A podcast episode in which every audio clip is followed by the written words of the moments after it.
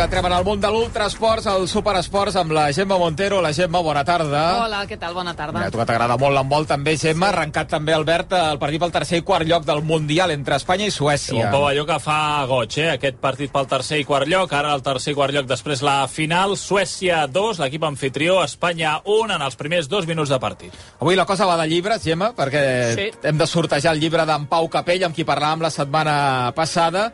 Mm. Vam preguntar quan va guanyar en Capell la UTMB, l'Ultratrail del Mont Blanc, quin any eh, l'havia guanyat? La fàcil, resposta, fàcil, eh? 2019, 2019. De fet, ell ho comentava, en algun moment de l'entrevista va I si- comentar l'any. I si escolteu l'Ultrasports, eh, poc que l'escolteu, sabreu que el Pau Capell el 2019 es va fer amb la victòria a l'UTMB. Hem de dir que de tots els participants eh, en aquest sorteig, en aquest concurs, tothom l'ha encertat excepte una persona. Molt bé. Eh? Hi ha bon Per tant, nivell, bon hi ha bon nivell, nivell, ha bon entre nivell. l'audiència. Per tant, hem de dir... Eh, Un número entre l'1 i el 47. entre l'1 i el Eh, 47. algú vol fer Albert de- Ferran, entre l'1 i el Veu 47. innocent, innocent. El 25. El 25. 25 De eh, desembre. Nadal, eh? 25 Nadal seria l'Ivan Uller, Vinga, que de a. Twitter, l'usuari de Twitter és Ivanol79, doncs Ivan Uller, que òbviament ha encertat que el 2019 va ser l'any que el Pau Capell va guanyar l'UTMB, doncs ens posarem en contacte amb tu, Ivan, i et farem arribar aquest llibre dedicat, dedicat, del, del Pau Capell, Um, recordem que el llibre està pràcticament exaurit, no se'n trobava a les llibreries ja, Eh, hi haurà una segona edició, això sí, ja arribarà i es farà en català segurament, uh, i en castellà, però, per tant, eh, és, un, és un llibre, una edició molt buscada. Aquest llibre del Pau Capell, del que parlàvem la setmana passada, i avui, eh, Gemma, eh, tornem a parlar d'un llibre, l'Ultrasports. Sí, és veritat que aquí els llibres a desnivell els recomanem molt, eh, moltes vegades. No és el primer llibre que parlem de- d'aquesta editorial dels Amics de, de Desnivell perquè són especialistes en muntanya i d'això doncs, en, ens agrada molt. Soñar Grande, en aquesta ocasió, publicat, com dic, per Desnivell, un llibre dedicat a, a Sergi Mingote el dia 16 de gener. Fa només uns dies es va complir el segon aniversari de, de la seva mort, eh, quan va perdre ell eh, la vida al K2. Intentava fer el cim d'aquest 8.000 a l'hivern, una fita fins aleshores que l'home mai eh, havia aconseguit, una fita pendent. Ell era una de les persones que volia intentar-ho en aquella ocasió, el 2021, però no li van sortir bé les coses. Un llibre que ha escrit un amic, esperem que no es noti gaire, uh, l'Isaac Fernández. Hola, Isaac, bona tarda. Hola, bona tarda. I gràcies per, eh, per venir. Gràcies, eh, gràcies a vosaltres per convidar-me. a l'Ultrasports un diumenge a la tarda a aquestes hores, amb aquest llibre sota el braç dedicat a aquesta última expedició, malauradament, del, del Sergi Mingote. Expliquem una mica la història. Tu, tu Isaac, tenies eh, l'encàrrec o la, la intenció de fer un llibre de l'última expedició, no, de, de fer la, un llibre de l'expedició de Sergi Mingote al K2 a l'hivern. Exacte, amb en Sergi jo l'havia estat seguint com a periodista eh, precisament per, per desnivell eh, des del 2018-2019, que va ser tota la seva trajectòria eh, més recent als 8.000, eh, que en va pujar, doncs, els anava pujant tots sense oxigen i amb uns objectius doncs, a nivell internacional molt destacats, que eren doncs, a batre el rècord de ser la persona més ràpida a pujar-los tots sense oxigen, i anava, anava pel camí. Llavors va arribar la pandèmia, eh, es van acabar una mica els projectes, i, i res, un dia parlant del seu últim projecte, l'estava entrevistant, estàvem parlant del K2 a l'hivern, que acabava doncs, de decidir anar-se-n'hi, i, eh, i allà va ser on em va, ell mateix em va dir ostres, per què no, per què no fem un, un llibre junts sobre aquesta expedició? Més que res perquè era una expedició que apuntava històrica. El, el K2 era l'únic eh, dels 14 8.000 que no s'havia pujat encara a l'hivern eh, i aquest any, aquell any, eh, pintava molt bé. Hi anava una expedició gran, eh, hi anaven alpinistes eh, molt, molt reputats, anava una gran quantitat de, de, de força de xerpes nepalesos i pintava, tot tenia una bona pinta. I allà, doncs, que, que ens hi vam posar. Vau dir, és una bona, una bona decisió aquesta. Sergi, ho farem, eh, farem un llibre sobre aquesta última expedició al, al K2. La intenció del llibre, és el resultat final del llibre és la, la primera intenció o el que realment havíeu parlat amb el Sergi, és a dir, el llibre havia de ser així eh, si la cosa hagués acabat bé, també, Isaac? Es fa, es fa difícil de dir, però l'estructura l'estructura sí que es manté bastant. El que volíem era que el llibre tingués dues veus, i el llibre té dues veus, el llibre té la seva veu, eh, de fet, mm, amics seus ens han contactat dient que realment eh, poden reviure l'essència de qui era ell i a mesura que llegeixen les pàgines, perquè mm, se'l se llegeix a ell constantment, i la, el llibre té la meva veu com a narrador eh, periodístic i neutral. No? Aquesta era la idea inicial, que avancés, eh, a mesura que avançava l'expedició, avancés la narració d'aquesta expedició i eh, anés aportant dades eh, doncs de com veia en Sergi la, la muntanya, com veia l'alpinisme, eh, la història del K2, com anaven avançant les altres expedicions alhora, tot això a nivell general es manté evidentment, el llibre no té res a veure amb el que havia de ser. Perquè acabes explicant no, el que va passar aleshores. Però uh, hi ha una frase, per exemple, uh, uh, quan parles amb ell abans de marxar, que per la pandèmia eren videoconferències, no? eren, eren trucades, no, no us podíeu trobar, Dius, conversaciones apasionadas en las que desnudo su admiración por la segunda montaña más alta del mundo. I, i me l'imagino, eh? completament, parlant sí. d'aquella manera com parlava sempre, sobretot del K2. Exacte, ell eh, molt, molt apassionat, una persona amb molta iniciativa, amb molta passió pel que feia i alhora molt sistemàtic. Eh, mm. Tot el que feia havia de fer-ho eh, doncs, eh, al màxim de bé possible, no? I el K2 era la muntanya que més li havia impactat des de que hi havia estat. Ell el va pujar el 2018, a l'estiu, i, i la veritat que, que estava, estava doncs, eh, molt, molt impactat pel que havia viscut allà. Més que res perquè va ser una, també una ascensió molt aventurera. Eh, ell va baixar del Broad Peak, que és un 8.000 eh, veí, el 8.000 més proper, i directament se'n va anar cap a pujar al K2 quan la resta d'expedicions ja eh, havien fet cim i baixaven o es donaven la volta perquè entràvem al temps. Ell eh, era una persona, un alpinista, que portava l'alt rendiment a les alt, a les, a la, en alçada i va decidir doncs, continuar fins a dalt perquè creia que podia fer prou ràpid com per tornar abans que hi hagués l'entrada amb el temps. No? I així ho va fer. Va costar, va haver-hi moments d'intriga i tot plegat, però, va ser però complicat. Va fer. Sí, sí. Uh mhm. -huh. Mira, podem escoltar el Sergi Bingote quan parlant de, del K2 en una entrevista a rac eh, per explicar aquesta admiració, com deia l'Isaac també, que sentia per aquesta muntanya perquè em va deixar pujar i jo crec que això és que la muntanya t'estima, encara que siguem al fons, de, de, i d'odi perquè probablement he passat el pitjor moment de la meva vida a la muntanya baixant del K2, no? Vaig estar, vaig estar 30 hores baixant, però 4 hores vaig estar perdut. I aquelles 4 hores em pensava que no baixava, em pensava que no baixava. I llavors, doncs, allà sí que li he vist les orelles, les orelles al llop i, clar, eh, jo crec que aquesta expedició ha de servir per retrobar-me i fer les paus amb el K2. Aquest, parlant d'aquesta expedició a, a l'hivern que, que tenia prevista i que va fer eh, el Sergi Mingote al, eh, al K2, eh, perquè parlàvem amb passió, de fet és una muntanya no? cap als alpinistes, no? el K2 té, té, una, té una, màgia, una màgia i un respecte especial. No? Sí, de fet en parlàvem ara abans d'entrar, no? que eh, una mica reivindicar eh, la, la, la importància que té el K2 pels, pels alpinistes, perquè tothom pensa en l'Everest perquè és la més alta, però el, el, el K2 és la segona més alta, són 8.611 metres, però, clar, eh, estarem d'acord, Isaac, que la dificultat eh, del K2 sobrepassa a la de l'Everest, la, la dificultat tècnica, sobretot, per com és aquella muntanya, i, i per això és la més complicada. Té sobrenoms com la muntanya salvatge, per exemple. Eh, fa uns anys hi havia una, una xifra que no sé si es manté, que una de cada quatre persones no, no pot fer el cim. També el, la ràtio de persones que perden la vida és molt més alta que altres muntanyes. És a dir, que el, el Sergi eh, a, a, a aquesta resposta que ara sentíem, jo li preguntava uh, per què tens aquesta relació d'amor-odi amb el K2, no? I ell ens responia això. És així, és la més complicada. Sí, és, és una muntanya molt complicada perquè a l'alçada, de fet, eh, són 8.611, eh, són 200 eh, i escaig metres més baix que l'Everest, però està en una zona mm, més aïllada, més remota, eh, i a part doncs, és, sempre tira cap amunt, no hi ha gairebé ni un, ni, ni un metre, ni un metre és molt pla. vertical, sí, sí. Correcte.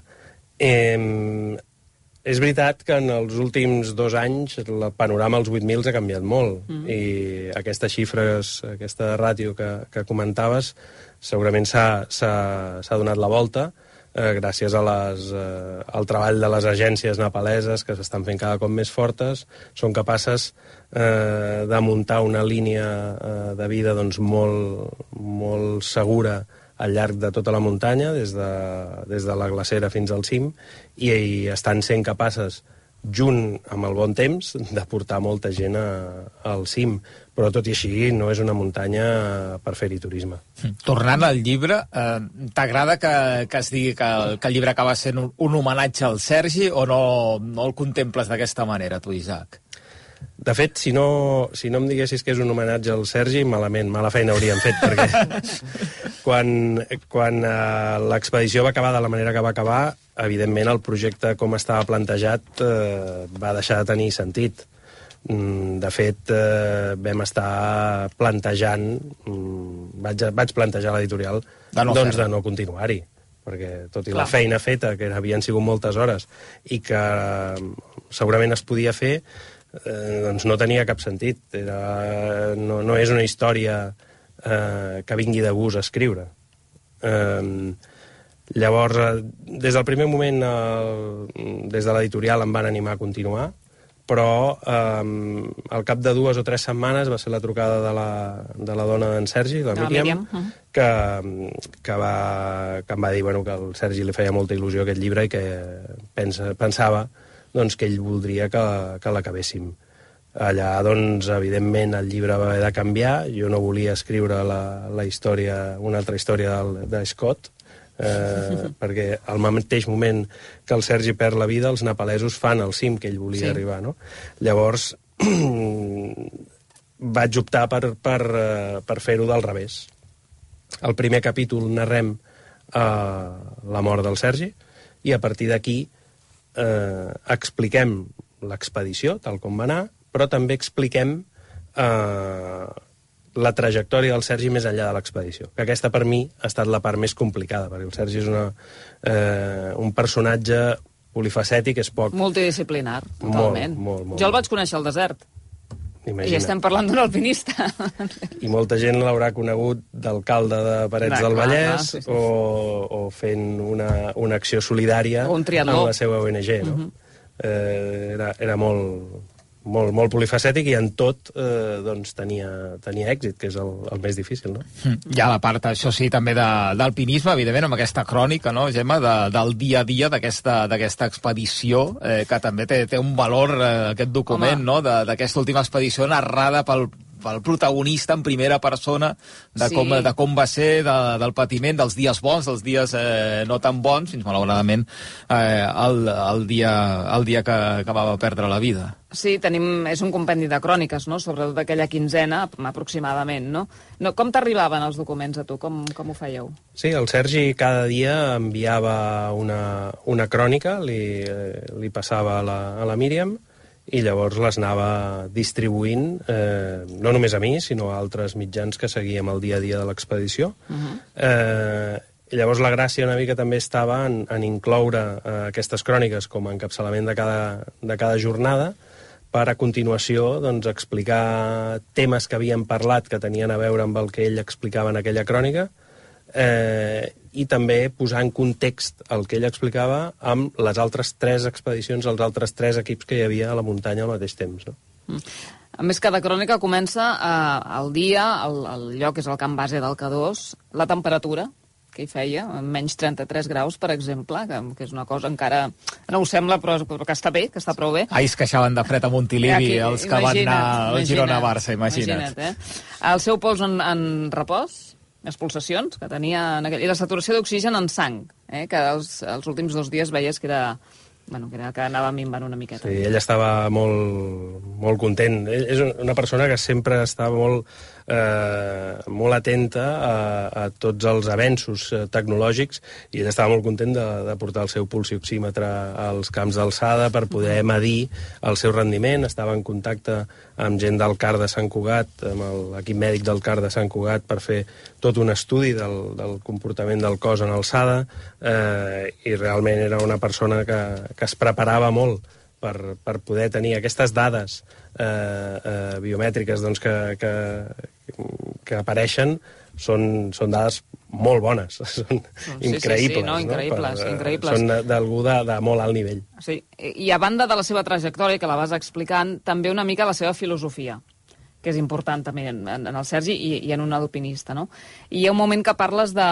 Eh, bé, d'un dels temes mm, més recurrents, que és eh, pujar amb oxigen o pujar sense oxigen, que això, eh, la lluita, no?, entre puristes i, i, i no puristes. I ell el que reclamava sempre, i tu ho expliques, és ser honest. És a dir, puja amb oxigen, puja sense, però sigues honest amb el que facis, amb la teva tria. Correcte. L'alpinisme i, en, i l'himalayisme a aquestes alçades és lliure. Cadascú pot fer el que vulgui. Això va per endavant. Llavors, el que, el que no es pot fer ni en himalayisme ni a la vida és eh, donar gat per lliure. Si tu has fet d'una determinada manera, explica que ho has fet així. No, si no passa res perquè si ho has fet acompanyat de xerpes, ho has fet amb cordes fixes, ho has fet amb campaments instal·lats i ho has fet fent servir oxigen, digue-ho, si no hi ha cap problema. Uh, el, la qüestió és que dintre del món de l'himalayisme hi ha molta mentida, també. Sí. Eh, I es vesteix d'èpica allò que és una pujada turística. Eh, més que res per aconseguir els fons per finançar aquestes expedicions, que són, són molt cares, també, no? El risc, ell com el vivia? Eh, aquests esports no? eh, de risc, on, on eh, parlem de, dels alpinistes, de parlem també dels esports de motor, no? de, sobretot de velocitat, i, i escoltes els esportistes admetent o acceptant que és un esport de risc i que malauradament hi pot haver desenllaços tràgics, com és el cas de, del Sergi, o de morts en el món del motociclisme. No? Ell com el, com el vivia, aquest, aquest risc, Sergi? El, perdona, eh, Isaac. Sí, el, el Sergi tenia, assumia el, la part de risc que correspon. És més, ell deia que sense arriscar-se ell sabia que no faria cim. De tota manera, ell minimitzava aquest risc. El que nosaltres és una activitat de risc, per ell no ho era. Ell estava superentrenat, superpreparat, eh, tenia experiència, eh, i de fet la, la, el desenllaç eh, fatal no ve per, per haver arriscat, ve per un accident mm, que, que, que pot passar a, a qualsevol que estigués eh, en aquella muntanya, en aquell moment en què cau una pedra i, i just doncs, no estàs encordat, no? Mm. A més, l'expedició té, té el contrast, eh, Gemma, que Sí. sí. l'endemà, no?, eh, hi ha una expedició que aconsegueix eh, assolir el K2 a l'hivern, cosa que no havia fet mai ningú, i per tant, en pocs metres de distància diríem que hi ha dues realitats molt diferents. Sí, jo, jo crec que, ara tu parlaves de les motos, però jo crec que, que no hi ha res comparable realment a, a, a aquest episodi, no? A, a la vida i la mort completament a, amb hores de diferència. Eh, Va haver un grup bastant nombrós de nepalesos que va aconseguir el, el cim, quan feia hores que el Sergi, tornant al camp base, perquè ell estava fent la seva ronda d'aclimatació amb el Juan Pablo Mor, el seu company, doncs va, va tenir aquest accident i, i, i va morir. I mm, jo recordo que parlava amb, amb tu aquell dia quan explicàvem la mort del Sergi i jo deia, ostres, aquest, aquest cim, tot i que pot semblar ironia, a mi em semblava un homenatge fins i tot. No? Mm, Perquè algun d'aquests nepalesos formava part de l'expedició del Sergi. Sí. I, I la gent no ho entén. Dius, "Home, però ha perdut la vida, no poden estar celebrant això. Però en l'alpinisme passa, això. És així. Sí, en la- l'alpinisme passa, passa això, passen moltes coses que a vegades no tan, No, les, no potser estan no, no som capaços d'entendre-les, no? Sí. El, això va ser el mateix dia. Eh, el Sergi estaven dormint a 7.000 eh, metres d'alçada amb el Juan Pablo Mor i els nepalesos estaven dormint a 7.300. De fet, aquella nit fins i tot van tenir el dubte de si acabar de pujar aquells 300 metres per continuar tirant cap amunt amb els nepalesos o baixar. Ells van decidir que baixaven, anaven sense oxigen, els nepalesos anaven amb oxigen, eh, ells ja havien fet el seu objectiu, que era eh, acabar l'aclimatació, i van decidir tirar cap avall, mentre els nepalesos ja estaven pujant des de la matinada. És a dir, van haver-hi poques hores de diferència. Eh, els nepalesos eren, eren un equip de 10, tots molt forts, molt, molt forts. Eh, com deies, n'hi havia dos que estaven dintre del grup de, de Seven Summit Sí. Trek, Mhm. eh, però al final, dintre d'una- d'una- d'un camp base, en aquestes condicions, mm, tothom s'acaba fent com una mica una comunitat, no?, també en el millor dels casos. Perquè... Sí, pot passar de tot, Els evidentment. punyals eh? també volen, eh, diríem, en, el, en els camps sí, sí. bases. De fet, en, eh, el K2 invernal és, eh, és històric, està explicat al llibre les, les diferents precedents que en més d'una ocasió, en els que havien anat millor, eh, sempre havien acabat eh, mal dades entre, dintre d'una mateixa expedició o amb expedicions rivals. No? Mm. Aquí no hi havia tanta rivalitat, almenys fins a aquell moment. Després es va descobrir que potser sí que n'hi havia una mica de rivalitat. I, i, i això, el, el, el Sergi havia coincidit en, en un parell de cims amb el, amb el Nims Dai, eh, que és el, probablement el Sherpa, o el, bueno, no Sherpa, sinó el nepalès, Nepalès, més conegut de- d'aquest grup que, que, va, que va assolir el cim sense fer servir oxigen. Mm, eh, tu que fa molts anys que tractes el món de l'alpinisme, eh, Isaac, clar, parlem de, de la mort, no?, de, del Sergi Mingote, clar, la mort a 8.000 metres, que comporta una, uns entrebancs a sobre, a sobre més grossos, no? No, no, no et mors eh, a, a casa o al costat, sinó que et mors a 8.000 metres intentant pujar al K2. I això m'imagino que també fa que els dies posteriors siguin encara més, eh, més durs, no? Perquè no només has de, has de plorar o lamentar la mort d'un ésser eh, que t'estimes molt, sinó gestionar un munt de coses per poder-lo tenir a, a casa el més aviat possible. Sí, en aquest cas el, el cos del Sergi va poder ser recuperat ràpid perquè la, la seva caiguda va ser eh, bastant a prop del camp base avançat. Des d'allà ja no queda eh, un desnivell important fins al camp base. Eh, va poder ser traslladat eh, al camp base pels, pel mateix equip de Seven Summit Treks en, a les ordres del Dawa Sherpa, que és un, un muntallenc i un organitzador d'expedicions molt, molt, molt important. Eh, I de seguida, al, al cap d'un dia o dos, un helicòpter el va poder portar doncs, des del camp base ja cap a, cap a Escardú. Que allà, a més a més, tenia la, la, la, o es donava la bona circumstància que hi havia el seu amic Carlos El Garranzo, Carlos, mm. que, que havia abandonat l'expedició res, just al moment en què el, en què el Sergi sortia en, en aquesta última ronda d'aclimatació des del camp base, ell era evacuat per una, per una dolència. Mm. Sense el Sergi hem perdut, eh, que és una figura també important en el sentit de que era un, vaja, era un gran divulgador no? del món de l'alpinisme, que és una, una modalitat que necessita no? gent que, que, que en parli així perquè el públic, no el públic especialitzat, diríem, sinó doncs, eh, gent que en pugui estar escoltant ara, per exemple, en aquest, eh, en aquest programa, s'hi enganxi, no? I ell, aquesta manera que tenia d'explicar-ho, t'enganxava encara que tu no haguessis pujat ni al Tibidabo, com aquell qui diu, no? Sí, el Sergi tenia un magnetisme especial en aquest sentit. Era això, sens dubte. Ell t'explicava una aventura eh, i tu hi anaves. Tu t'hi ficaves de cap. Això era, tenia aquest poder. Eh, també tenia una gran formació. Eh, ell era, doncs, eh, bueno, havia estudiat màrqueting, era coach professional, eh, sabia de com com Vendre el producte, vendre el no? producte, Parlar al malament, final, però- sí.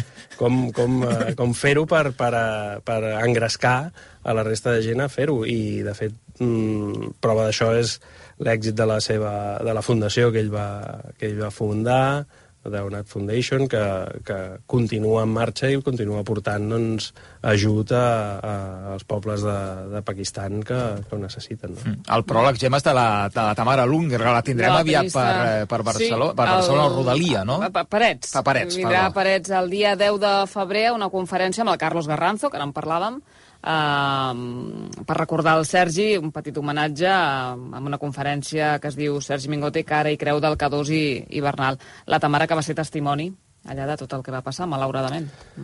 Sí, la Tamara va tenir un paper perquè ella eh, va pujar... Ella, ella era dels, del grup que pujava sense oxigen, juntament amb el Sergi i el Juan Pablo Mor, eren els tres probablement més forts dels que feien tota la, tota la feina a la muntanya sense oxigen. Eh, quan el Sergi, a més a més, doncs va, eh, va caure, eh, ella estava al camp base avançat i, i després eh, de, la, de la mort d'en Sergi va fer cordada amb el, amb el Juan Pablo Mor.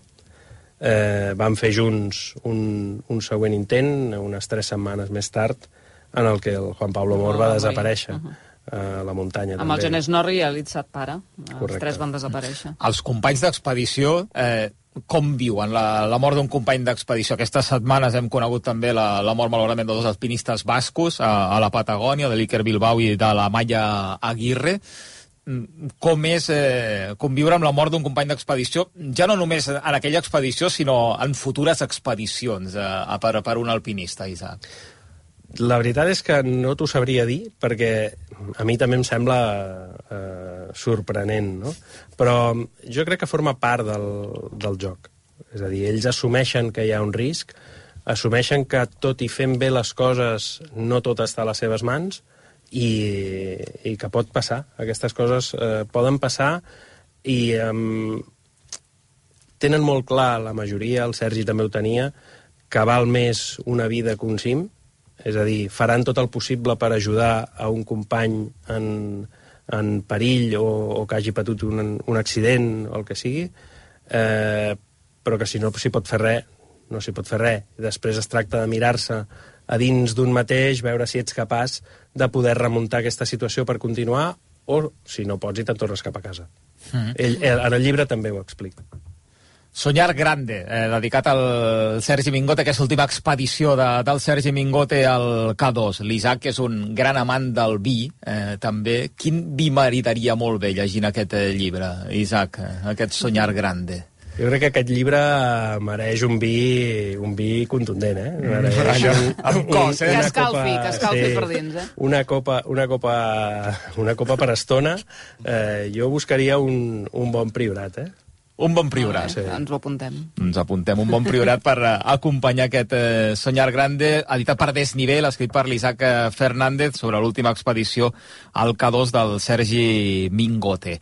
Espera, que actualitzem algun marcador eh, a la primera federació, els partits del Sabadell i del Nàstic. Sí, el Nàstic continua guanyant 1-2 al camp de l'Intercity, queda un quart d'hora pel final, i 20 minuts pel final el partit del Sabadell, que està empatant a 1 al camp del Calahorra. Com tenim el tercer i quart lloc del Mundial d'handbol? Doncs amb Espanya ara patint, eh, sempre per darrere en el marcador en els últims 15 minuts, perdent de 3. Suècia 19, Espanya 16. I el Barça femení a la Lliga, al camp doncs del va, Tenerife. va per feina. El 28 de la primera guanya 0 a 4 amb hat-trick d'Oxoala, el primer de Pina i els altres 3 d'Oxoala. Ara ja a la mitja hora de partit, Tenerife Granadilla 0, Barça 4. A la primera divisió teníem gol del Celta, però veurem si puja el marcador o no, Molló, eh? Jo crec que no pujarà el marcador per mans, la pilota toca clarament a les mans de Carles Pérez, i això l'ajuda a emportar-se en la pilota, l'ex del Barça havia marcat, està veient la jugada i, se- i s'encongeix d'espatlles Carles Pérez, sí home, sí, Carles, que després marques perquè t'emportes la pilota amb la mà, l'àrbitre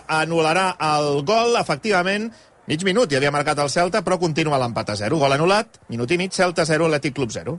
Gemma, què més hem de saber del món de l'ultra-esports aquesta, aquesta setmana? Doncs ha estat una setmana intensa, perquè tenim, a banda que avui s'ha fet la mitja marató de Sevilla, a la, la ciutat andalusa que s'ha posat molt les piles en els últims anys, avui la nord-americana Betsy Saina i l'etíop Amdewor Gualeleng han estat els guanyadors d'aquesta mitja. En el cas de les dones, de la nord-americana, ha estat eh, amb rècord. Saina ha guanyat amb rècord, en creuar la meta amb un temps 1 hora, 8 minuts i 25 segons. Deixa'm eh, destacar també, i no és la primera vegada que ho faig, la marca de Reyes Estevez, mm. perquè ha fet la mitja en una hora i 8 minuts. Reyes Estevez amb 46 anys. Ens agrada molt destacar el, el, allò que aconsegueixen gent de més de 40 anys perquè ens motiva. Eh? Sí, Ens de la nostra generació. Que, mira, sí, de la nostra ja generació dir, corrent sí. amb una hora i vuit la, la mitja Exacte. és cosa que, que eloigiem i que admirem. Sempre, sí, sí. I deixa'm recordar també que la Marató de Sevilla del 2024 serà molt important perquè servirà per determinar les mínimes i potser les places pels Jocs Olímpics de París. L'organització dels Jocs vol tenir el 30 de gener de l'any que ve, és a dir, mig any abans dels Jocs, el 80% de les places de les maratons ja atorgades, saber qui, qui disputarà i qui no la marató a París. Per això, tots els atletes que estiguin entre els 65 primers del rànquing mundial es consideraran classificats, tinguin o no la mínima, encara que després cada federació, i aquí és on venen després tots els mals, poden canviar o, o variar de noms eh, en funció eh, de si un atleta ha baixat de les 2 hores 11 minuts 30 segons en homes o 2 hores 29 minuts i 30 segons en dones. Déu-n'hi-do, en parlarem un dia de les mínimes que, que es demanen per París, en general, per l'atletisme, perquè són duríssimes, eh? bastant més dures que el Mundial del, de, de Budapest, que es farà aquest mes d'agost. Eh, també pel que fa a la mitja i marató de Barcelona, que queda molt poquet, el 19 de febrer és la mitja i el 12 de març és la marató, tenim molt bones xifres eh, en quant a participació perquè portem 17.000 o gairebé 18.000, m'atreviria a dir gairebé 18.000 a la mitja. Veníem de 23.000 mm, prepandèmia, però molt males xifres durant els últims dos anys per motius obvis. Per tant, molt bona reacció. Eh, no sé si arribaran a les 20.000 inscripcions, però són molt bones xifres. I ara, de moment, 12.000 a la Marató, i encara queda més d'un mes i mig, aproximadament, i l'organització, l'empresa RPM, espera poder arribar als 15.000 inscrits a la Marató Barcelonina.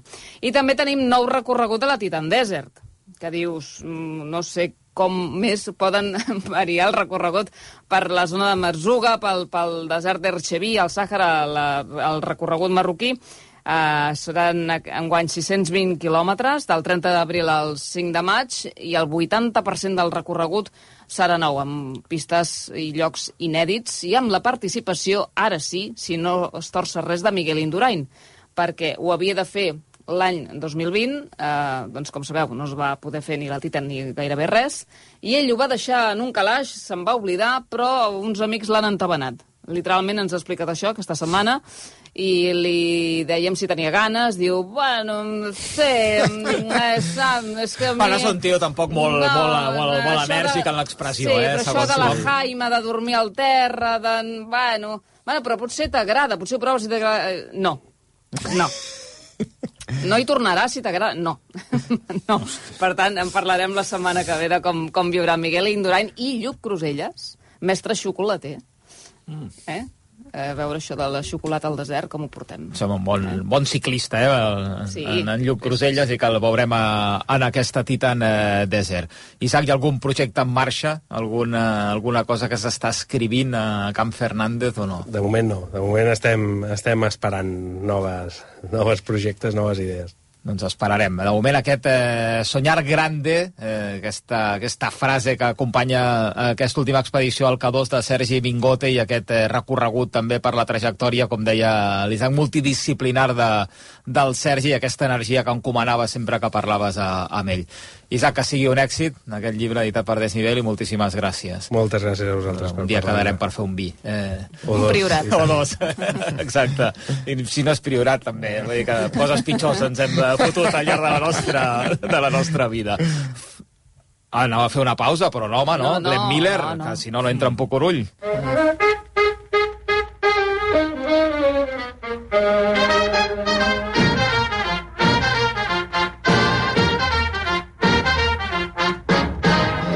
sempre, arribant a la meta de l'Ultrasports amb en Miquel Pucurull, que avui avui ens explica un petit disgust eh, que ha tingut recentment.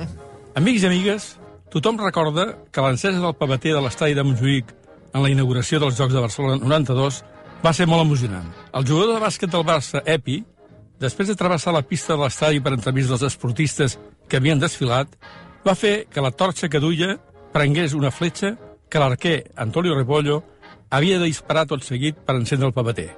Ho va fer. Va tensar l'arc amb la sageta encesa, la va deixar anar i tots vam quedar bocabadats en veure com queia al vell mig del paveter i s'encenia la flama olímpica. Veto aquí, però, que no fa gaire s'ha sabut que la famosa fletxa, agafeu-vos, no va entrar, que va passar per damunt i va anar a parar al carrer, a l'avinguda de l'estadi. De primeres em vaig pensar que era una bola, un fake, com es diu ara, però no, els mateixos organitzadors de l'acte han dit que tenien un interruptor a punt per si fallava l'invent i el van haver d'accionar perquè el dart va passar de llarg. Una llàstima que s'hagi sabut. A molts ens ha dolgut una mica saber-ho. Ens resistim i preferim quedar-nos amb la imatge poètica de que la fletxa va entrar i el paveter es va encendre. Fins al cap de setmana que ve, correu molt. De pressa, a poc a poc, però molt. Li farem cas. Al Pucorulli, com sempre, correrem eh, molt, eh, de pressa o poc a poc, cadascú al seu ritme, però ho farem.